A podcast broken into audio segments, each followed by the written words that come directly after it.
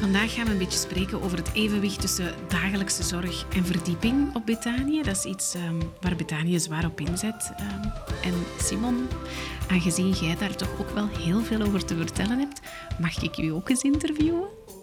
Dat mag. Ja? En dan vragen we er Anja Musters ook nog bij en Anne-Sophie Michelsen. Ik heb het gevoel dat ik weer twee heel fijne mensen mag ontvangen uh, in deze aflevering. Um, Anja Musters en Simon van Buiten. Anja, mag ik bij jou beginnen? Wie ben jij en wat doe jij hier uh, binnen Betanië? Ik uh, ben sinds juli 2019 um, in dienst als ervaringsdeskundige op uh, beschut wonen. Ik heb zelf een hele weg afgelegd en in 2014 ben ik hier begonnen als vrijwilliger. En mijn vrijwilligerswerk stelselmatig uitgebreid, terug vertrouwen in mezelf gekregen, een activeringsstage gedaan, die ik ook hier op PVT heb mogen doen. En een cursus ervaringsdeskundigheid gaan volgen. En ja, een jaar later gesolliciteerd en de job gekregen. Eh, Simon, jij bent lid van het ontspanningsteam. Kan jij iets vertellen van hoe jij hier terecht bent gekomen en wat jij doet? Ja, zeker. Ik, uh, ik ben hier terechtgekomen via de Vallei eigenlijk, een afdeling in de langdurige zorg. Die uh, Isabel Voorspoels, de psychologe daar, die had al heel lang een droom om een toneelvoorstelling te hebben in de langdurige zorg. Liefst buiten in de tuinen hier. Er is Laborden, is een psychiatrie in Frankrijk. En daar wordt dat elk jaar gedaan. En er is een heel mooie docu ook over gemaakt. En dat was een beetje zo het verlangen van Isabel en van het team om dat te, te kunnen verwezenlijken. En dan gaat het over een theatervoorstelling met en door patiënten? Of? Ja, ja, dus er, er lag niks vast, behalve dat het een zonnige dag moest zijn en buiten in de tuinen een voorstelling met zoveel mogelijk mensen die dat mee wouden doen. Maar ik, ik maakte theater in, in het uh, reguliere circuit. Uh, en ik ben dan via eigenlijk een beeldend therapeute van de Boomgaard dat ik ken, gevraagd om eens te komen babbelen daarover. En ik zag dat, ik wou dat eigenlijk direct doen, want dat was... Wat maakte dat je dat wou doen? Uh, ik was een beetje, denk ik, zo uitgeblust in het, in het gewone theatercircuit. Uh, omdat ik niet meer goed wist waarom dat ik dat moest doen en voor wie dat ik dat eigenlijk deed ook met de veranderingen in, in, qua subsidies en, en uh, de strijd eigenlijk tussen jonge theatergezelschappen om een plek te vinden. En ik was dat, dus ik had dat een beetje gezien, ik was dat een beetje beu. En dit gaf zo terug een, een, een sprankel van, oeh, toneel maken met mensen die ik niet ken, sowieso, in groep. Uh, en dan nog in een, in een psychiatrie, wat voor mij op dat moment, zoals denk ik voor heel veel mensen, een heel onbekende wereld mhm. was. En het zag er gewoon heel aanlokkelijk uit om te doen. En ik heb er nog geen seconde spijt van, want ik weet het nog altijd. Ja, je bent blijven plakken. Ja, ja. Want eigenlijk, de, de vraag was er al langer, maar dat is moeilijk om te vinden hoe dat we dat gingen betalen. Uh, en dan ben ik eigenlijk samen met het oorspronkelijke ontspanningsteam kunnen starten, omdat er door corona een budget is vrijgekomen uh, om eigenlijk agressie in de psychiatrie te verminderen. Dus vooral na, allee, na therapeutische activiteiten. En daarin paste de voorstelling wel. Want op dat moment zijn er ook drie andere mensen begonnen in het ontspanningsteam, waar ik dus nu ben bij aangesloten. En dat ontspanningsteam heeft zich tijdens de voorstelling vooral ook ingezet om met heel veel bewoners decorstukken te bouwen, de kledij te doen, uh, om het leven te houden. Uh, dus in die zin zijn wij eigenlijk al beginnen samenwerken tijdens de voorstelling. Maar ik werk pas officieel voor het ontspanningsteam sinds nu uh, oktober. Want in september hebben wij gespeeld. Dus die theatervoorstelling was er. Welke um, activiteiten biedt het ontspanningsteam nog aan? Uh, dat is heel, heel, heel breed. Wij lachen er zelf mee. We zo'n tegeltje van ons beroep is zo geheim dat we zelf niet weten wat we doen. en dat, is, dat is letterlijk uh, het geval, want wij doen heel veel en tegelijkertijd hebben wij heel vaak het gevoel dat wij heel weinig doen. En dat is omdat het enige wat wij eigenlijk kunnen doen, is als de mens die wij zijn, met onze vaardigheden en onze interesses, aanwezig zijn en nabijheid brengen bij bewoners van langdurige zorg. Anja, ik zie u knikken. Ja. Iets dat jij herkent. Ja, heel herkenbaar. Ja, ik merk dat ook dagelijks. Van, dan ga ik naar bewoners toe en dan heb ik daar gewone babbels mee. Dat is niet altijd even uh, zwaar of therapeutisch. Of... En dan denk ik, ja, wat ben ik hier aan het doen, inderdaad? Hè? Ja. Er is ook geen handleiding waarschijnlijk, hè? Nee. Want je zet jezelf in. Ja, vooral rond die ervaringsdeskundigheid is ook nog heel weinig duidelijkheid eigenlijk. Dat is een, een beroep dat zichzelf nog aan het vormen is of waar we nog echt onze weg in aan het zoeken zijn. Maar het enige dat eigenlijk uh, een zekerheid is in die job is van je hebt je ervaring en die zet je in eigenlijk. Hè. En, en um, wat zijn de effecten van wat jullie doen? Wat ik denk is, is dat het heel fijn is voor de, de bewoners om bewoner te zijn. En ik hoor dat ook, wij spreken bijna nooit over patiënten, omdat wij van diagnose, ik ken daar niks van. Ik weet daar niks van. Ik ben ook niet bij, bij briefings van verpleegkundigen of van, van de psychiaters of de psychologen. Of, dus wij, wij weten eigenlijk ook niks, behalve dan wat wij te weten komen in gesprekken. En, maar het is net die drempel dat er bij ons niet is, dat ervoor zorgt dat er ook op een andere manier, denk ik, gesproken kan worden. En dat er ook meer een andere manier omgegaan wordt. Want wij, wij gaan niet langs die diagnose of langs het probleem.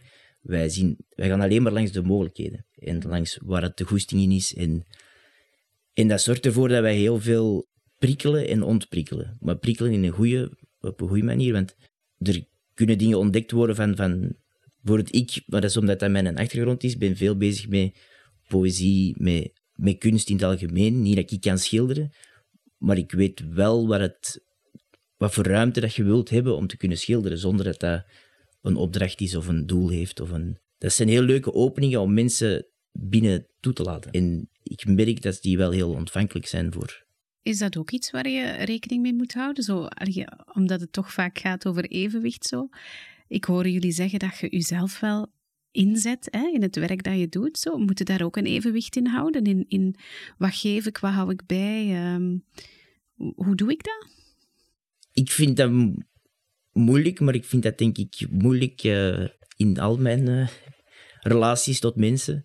De grens tussen, tussen uw functie en gewoon medebewoner zijn is soms klein, want je weet niet wat uw functie eigenlijk is. En het, het, leuke is, er zijn nog altijd mensen dat ik hier tegenkom, waarvan ik weet dat die ervan uitgaan dat ik hier ergens in opname ben of een traject doe. En ik vind dat niet per se erg. Soms is het zelfs van, ja, nu moet ik door, terwijl eigenlijk is er, is er nog spanning of is er nog... En dat is, dat is moeilijk. Dat is moeilijk. Maar... Ik vind het wel grappig dat jij hetzelfde gevoel hebt als ik, zo, hè, van ook wel vaagheid zo rond de invulling van uw job. Ook helemaal geen professionele achtergrond zo op therapiegebied. En, en toch heb ik heel dikwijls het gevoel dat wat wij doen heel zinvol is, omdat vanuit mijn eigen ervaring is de drempel om te spreken met de mensen, de mensen naar mij toe dan, vaak lager. Om, omdat ze het gevoel hebben van, ah ja, die, die heeft dat ook meegemaakt, die weet ook wat dat is. En binnen het, het schrijven en het theater zijn wij allemaal hetzelfde. Dus wij zijn de schrijfclub en wij zijn plankenkoorts. En daarin zitten bewoners, ervaringsdeskundigen en ook uh, uh, hulpverleners. Maar er is gewoon gelijkheid zo. Wij zijn gewoon leden van plankenkoorts die samen een theaterstuk maken. En en zijn er zo nog uitdagingen die je tegenkomt tijdens zulke projecten? Ik denk, denk redelijk veel. Waar je natuurlijk soms op botst, maar dat is niet een, een botsing, want dat is, dat is het eerste ook wat het mij gezegd is van geen verwachtingen. En, en als je dat kunt, als je merkt dat je dat kunt loslaten, die verwachtingen, dan is dat nooit een probleem, want je botst soms natuurlijk op het feit dat dat er mensen ziek zijn. En soms zijn die zieker als, de ene dag zieker als een andere dag. En ook al zijn ze er niet mee bezig, soms zorgt dat ervoor dat er niet kan gefunctioneerd worden, niet gerepeteerd kan worden. Heeft dat ook invloed op de andere spelers? Wij hadden de voorstelling nog nooit in zijn geheel kunnen repeteren, omdat je met zoveel verschillende sterktes zit, of, of mensen in, in kracht, die dat, als je die te veel al samen moet plakken, dan, dan dat gaat niet. Dus het is echt vertrouwen en geen verwachting. En die puzzel moest in elkaar vallen op twee momenten. Dat waren twee voorstellingen. En dat was, dat was voor, mij, voor mij en voor velen was dat de perfecte puzzel. Dus dat, uh... Maar ja, als je verwachtingen hebt, dan, dan worden die toch snel de kop ingedrukt. Ja, dat is exact hetzelfde bij ons. Zo van, de ene moment doet een persoon mee, dan de volgende moment weer niet meer. En je moet eigenlijk als, als uh, regisseur, hè, want dan, zo, ja, zo noemen ze mij dan ook soms wel, moet je heel flexibel ook wel zijn. En, en, maar het is ook heel fijn, want je ziet dat dan allemaal gebeuren, hoe ook die uh, dynamiek tussen die mensen onderling werkt. Hoe dan één iemand zegt, ik doe niet meer mee, en dan gaan al die anderen zeggen, ja, maar kom aan, en wij hebben u heel hard nodig. En ja, dat is echt heel mooi om naar te kijken. Ik wil ook nog even zeggen, dat ik eigenlijk wel blij ben dat er hier ook ruimte voor is. Want dat begon bij ons eigenlijk als een ideetje, een, een avondvoorstelling voor de familie alleen. Dat werden twee avonden. De directie en, en uh, de afdelingshoofden waren daar ook op aanwezig. En die, ja, die zagen ook dat dat iets, iets heel belangrijk is en zinvol. Dat mocht groter worden. Daar was ruimte voor. Wij mochten in een grotere zaal het nog eens spelen. Er was vraag naar een tweede stuk. Dat was allemaal oké. En voor het volgende stuk is er zelfs al uh, budget voorzien. Dus ik vind dat wel, ja, ik vind dat wel heel mooi dat er hier ook gezien wordt hoe belangrijk dat, dat is. Ben ik het mee eens, denk ik. Jullie zo hoor. Uh, dankjewel Anja, dankjewel Simon. Ik hoop dat ik ook ooit eens een rolletje mag meespelen. Um, dat, uh, dat staat vast. We zullen het in overweging nemen. okay. Dank jullie wel en tot zo ja, op het domein. Ja, in de wandelgangen. Voilà. Zo zeggen ze dat dan. Ja. Ja.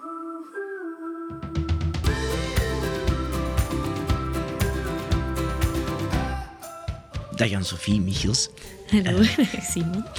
Wil jij even vertellen over wat jij allemaal doet, wie jij bent en wat jij hier in het ziekenhuis betekent? Ja, um, ik ben dus Anne-Sophie en ik werk in het ziekenhuis als psychomotorisch therapeute. Voornamelijk en al het langste op DOW, afdeling DOW. Maar daarnaast ook voor een deeltje voor Back to Nature, waar we het gebied ook wat uitgebreider over gaan hebben. En momenteel ook een deeltje cadans. Dus een mix van van alles. Voordat we het misschien over Back to Nature uh, hebben, ik denk dat uh, ik wil dat weten en misschien nog wel wat mensen. Psychomotorisch therapeuten, wat, wat moeten wij ons daarbij voorstellen? Dus eigenlijk het woord zegt het al met jezelf. Dus psycho, geest, motoriek, meer het lichaam bewegen. Dus leg het ook altijd uit aan, tegen de mensen. Eigenlijk doe ik alles met lichaam en geest. Um, dus in mijn sessies gaan we zelden of niet vaak een uur zitten en babbelen, maar meer iets doen en um, werken vanuit het lichaam. Het lijf is eigenlijk onze rode draad.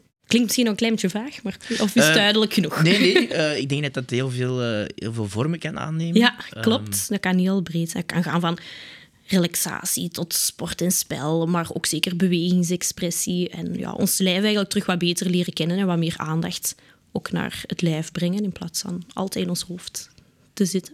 Dat Zoiets. lijkt mij zeer, ja. zeer boeiend en, en heilzaam. Mm -hmm. dat het ook niet altijd in de kop moet zitten. Leunt Back to Nature daar bij aan? Eigenlijk wel, want dus voor Back to Nature, ja, heel kort, is twee dagen een therapeutische staptocht. Dus dat woord zegt het eigenlijk al zelf. We gaan twee dagen in beweging komen, ook stilstaan bij onszelf, bij wat, het, wat we voelen, wat er in ons hoofd omgaat, maar ook wat er in ons lijf omgaat. Dus ja, en we zijn ook letterlijk twee dagen in, in beweging en buiten. Uh, dus dat doet iets met lichaam en geest. En dat is in, in groep voor, voor een bepaalde afdeling, of is dat Nee, ja, dus eigenlijk, uh, Back to Nature is een uh, project dat in september, uh, september 2021, gestart is. Vanuit um, de nood om iets meer aan te bieden, specifiek voor jongvolwassenen. Omdat ze merkten binnen Betani dat er eigenlijk steeds meer opnames waren van jongeren in transitieleeftijd. Dus ja, dat is tussen 16 en 24, 25 jaar ongeveer.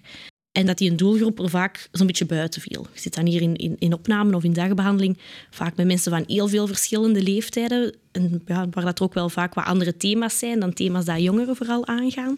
Dus vanuit eigenlijk zo'n stijgend aantal uh, jongvolwassenen dat hier uh, ja, aankwamen eigenlijk, of, of in opname kwamen, is er eerst ook de jongvolwassenenwerking in het vlot. Ehm, opgericht, waar dat jongvolwassenen eigenlijk op dinsdag en donderdag namiddag samen kunnen komen. Ook wel onder begeleiding, maar eigenlijk echt om van alles en nog wat te doen. Een, bijvoorbeeld een spelletje te spelen. Maar goed, langs hebben die ook een actie voor de warmste week op poten gezet.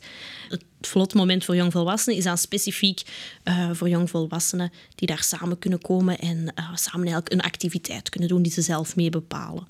In de Back to Nature, het idee, is dat iets dat, dat vanuit, vanuit u komt, of vanuit, vanuit uw, uw goesting ook om, om op reis te gaan of om, om weg te zijn? Uh, of is dat op vraag van, van bewoners? Of? Nee, nou, er was dus wel zo sowieso de vraag, ook, ofwel de nood eigenlijk vooral ook vanuit het ziekenhuis, om iets meer te bieden voor de jongvolwassenen. Dus wat een vlot moment was er al. Maar daarnaast was het, um, ja, denk ik vooral mijn collega Elin, uh, die uh, vanuit die nood met het idee kwam, of met het voorstel kwam, om eigenlijk ook voor jongvolwassenen staptochten te organiseren uh, therapeutische staptochten, echt specifiek voor die een doelgroep. Omdat, um, ja, het kadert eigenlijk binnen adventure therapie wat wij doen. En dat spreekt vaak zo jongvolwassenen wel echt aan. Echt iets doen, naar buiten gaan, in de natuur bezig zijn. Dat dat wel iets is wat, wat vaak gedaan wordt ook met jongeren en wel ja, ook aanspreekt. Hè? Ja, dat, dat, het, ik kan me voorstellen, het groepsgevoel met daarbinnen alle individuele trajecten, dat dat heel, heel stimulerend is. En... Ja, dat is, want het is inderdaad dus ook hè, met Back to Nature um, kunnen jongeren zich inschrijven ook van over heel domein. Dus het is niet per afdeling dat ze komen, maar het is eigenlijk echt vooral de, de, de leeftijd die verbindend is. Want ze zitten wel met verschillende problematieken, verschillende kwetsbaarheden. Uh, maar het is eigenlijk echt de leeftijd en het het, um, de goesting of, of het enthousiasme hebben om op, op staptocht te gaan, dat verbindt. Maar dat is inderdaad wel heel interessant dat er dan eigenlijk een, een, heel variabele groep hebben. Maar dat we eigenlijk merken, we zijn nu twee keer echt met de jongvolwassenen op tocht gegaan, dat dat eigenlijk zo wel loopt en dat dat wel ja, interessante en fijne interacties zijn. En naar waar trekken jullie? Uh, hoe, hoe lang zijn die, zijn die tochten? Of hoe, hoe fysiek is het? Uh, wij zijn nu één keer naar de Ardennen geweest en één keer naar de Kalmthoutse Heide. En we gaan dat zo wat proberen te blijven afwisselen. Kalmthoutse Heide of een ander mooi plek in België uh, die misschien fysiek iets minder zwaar is. In combinatie met de Ardennen, waar je toch wel bij heel wat stijgen en dalen zit.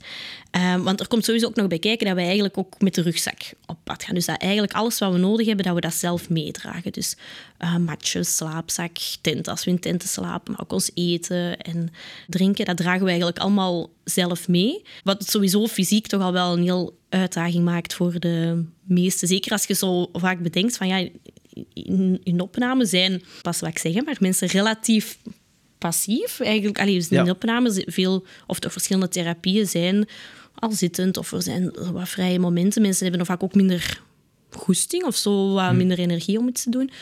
Dus dat dat ook zo wel niet te onderschatten valt om dan zo ineens twee dagen of, of drie dagen um, te gaan stappen met, uh, met de rugzak. Ook al is dat dan een plat oppervlak, dat vraagt toch zo wel heel wat van... Ja, ja. Uh, van ons deelnemers. Ja. Ik heb al heel veel epische verhalen gehoord over ehm, de tochten naar Scherpenheuvel ah, ja. op domein. Is dat iets wat jullie bij Back to Nature ook gaan doen? Of is dat iets waar jullie bij betrokken zijn? Um, Nee, maar het is wel... We hebben zo de eerste keer, uh, zal ik zeggen, hebben we een try-out gedaan met enkele collega's. En hebben we onder andere ook collega's gevraagd die ook al naar Scherpenheuvel zijn gewandeld. Of die zoal um, activiteiten, een skireis bijvoorbeeld, al gedaan hebben met, met patiënten hier. Om eigenlijk wel hun ervaring um, te horen van hoe, hoe jullie dat gedaan, hoe pakten jullie dat aan.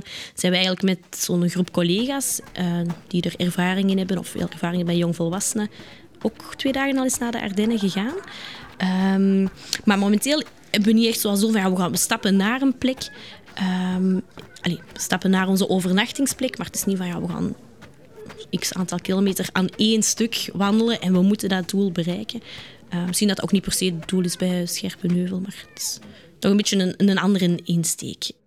Als alles meeziet, trekt jij zelf naar Colombia deze zomer.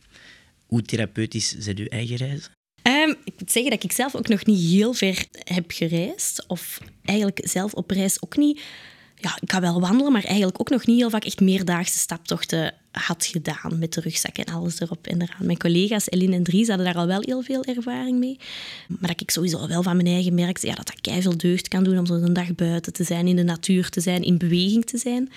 Uh, en dat ik nu zelf ook wel merk door um, dat echt twee dagen te doen, ja, ook het fysieke aspect, daar komt je eigen ook wel in tegen. Je botst op je grenzen. Ja, komt hoe dat je draait of keert. Ik denk dat iedereen zo wel op, op twee dagen iets tegenkomt. Maar ook wat dat het vooral met je doet, om ook zo eens twee dagen echt in de natuur te zijn. Ook is weg van het ziekenhuis te zijn, ook zonder gsm, die laten we ook uh, thuis. Dus even al die prikkels, misschien ook soms een beetje het stigma van het ziekenhuis, is even achter ons te laten en gewoon twee dagen erop uit te trekken. En in een andere omgeving voor onszelf na te denken of bij onszelf stil te staan, dat dat, dat, vooral ook wel heel veel, veel doet. Merk ik zelf en merk ik ook aan de volwassenen. Ja. Fysieke vermoeidheid is iets dat genadeloos toeslaat, of dat je nu begeleider bent of, mensen, ja. of persoon in traject. Of, uh, dat zal ook wel een, een band scheppen op zo'n wandeling. Ja, het is dat, want ja, je voelt dat zelf na een dag stappen. Voelde ook die rugzak of de volgende ochtend voelde ook van... Oh, ik ben wat stijf of dat, oh, maar zie ik dat nu nog wel zitten om helemaal tot het eindpunt te gaan. Um, maar ik denk dat dat ook wel ook heel mooi is dat we dat echt ook als ene groep bekijken. Dat, dat, niet, dat, dat wij dat ook uh, aangeven van oeh, maar het was toch wel, wel zwaar. Of oh, die regenbui even, die heeft er toch wel ingehakt. Hm. Um, dat we er ook zo wel open over communiceren, waar iedereen tegenkomt, zowel wij als uh, de jongvolwassenen. Allee, ik val eigenlijk ook nog onder de categorie jongvolwassenen, maar dat is ja. Heb je zo een, een, een voor uzelf ultieme tocht of, of, of, uh, of uitdaging dat je graag met Back to Nature zou, zou kunnen doen? We hebben zo hadden we vooral zo in het begin dat we opstarten, het is eigenlijk nog altijd een beetje in het begin, hadden wij zo wel ook zo van die grootste ideeën van oh, naar, uh, naar Scandinavië of we gaan daar wandelen of we gaan die grote route doen of zo. Um, en dan hadden we ja, Dardenne. En dan nu merk ik de laatste keer dat we zo naar de Kalmthoutse Heide zijn gegaan, dat we eigenlijk bij onszelf ook wel gemerkt hebben van eigenlijk moet dat ook niet per se super ver zijn of super groot zijn of, of een keilange tocht zijn om eigenlijk een beetje te bereiken wat wij willen bereiken. Of om, om hm. iets in beweging te zetten, ja, letterlijk dan, maar ook figuurlijk, dat eigenlijk niet per se nodig is. Maar ik denk dat dat zo ergens in ons achterhoofd wel nog zelf, oh, dat zou wel fijn zijn mochten we echt eens een week zo in, in, het buitenland zoiets gaan doen. Dat wel op termijn ja, keizalig zou zijn. Maar dat we nu eigenlijk wel merken voor ons, ons concept, dat dat eigenlijk ook zo perfect dicht bij huis kan. Dat hier eigenlijk ook kei veel mooie plekjes zijn. Hè? Wortelkolonie, moeten zeker eens doen. Ja, ben ik nou toevallig, toen ik vorige week in quarantaine zat, ben ik naar Merksplas-kolonie gegaan. maar ja, dat terzijde. Ja. Maar een goede tip, nemen het. Uh,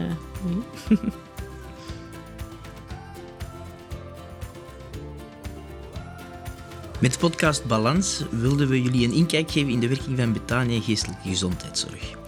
Heeft de podcast je geprikkeld en ben je benieuwd hoe het er dagelijks aan toe gaat?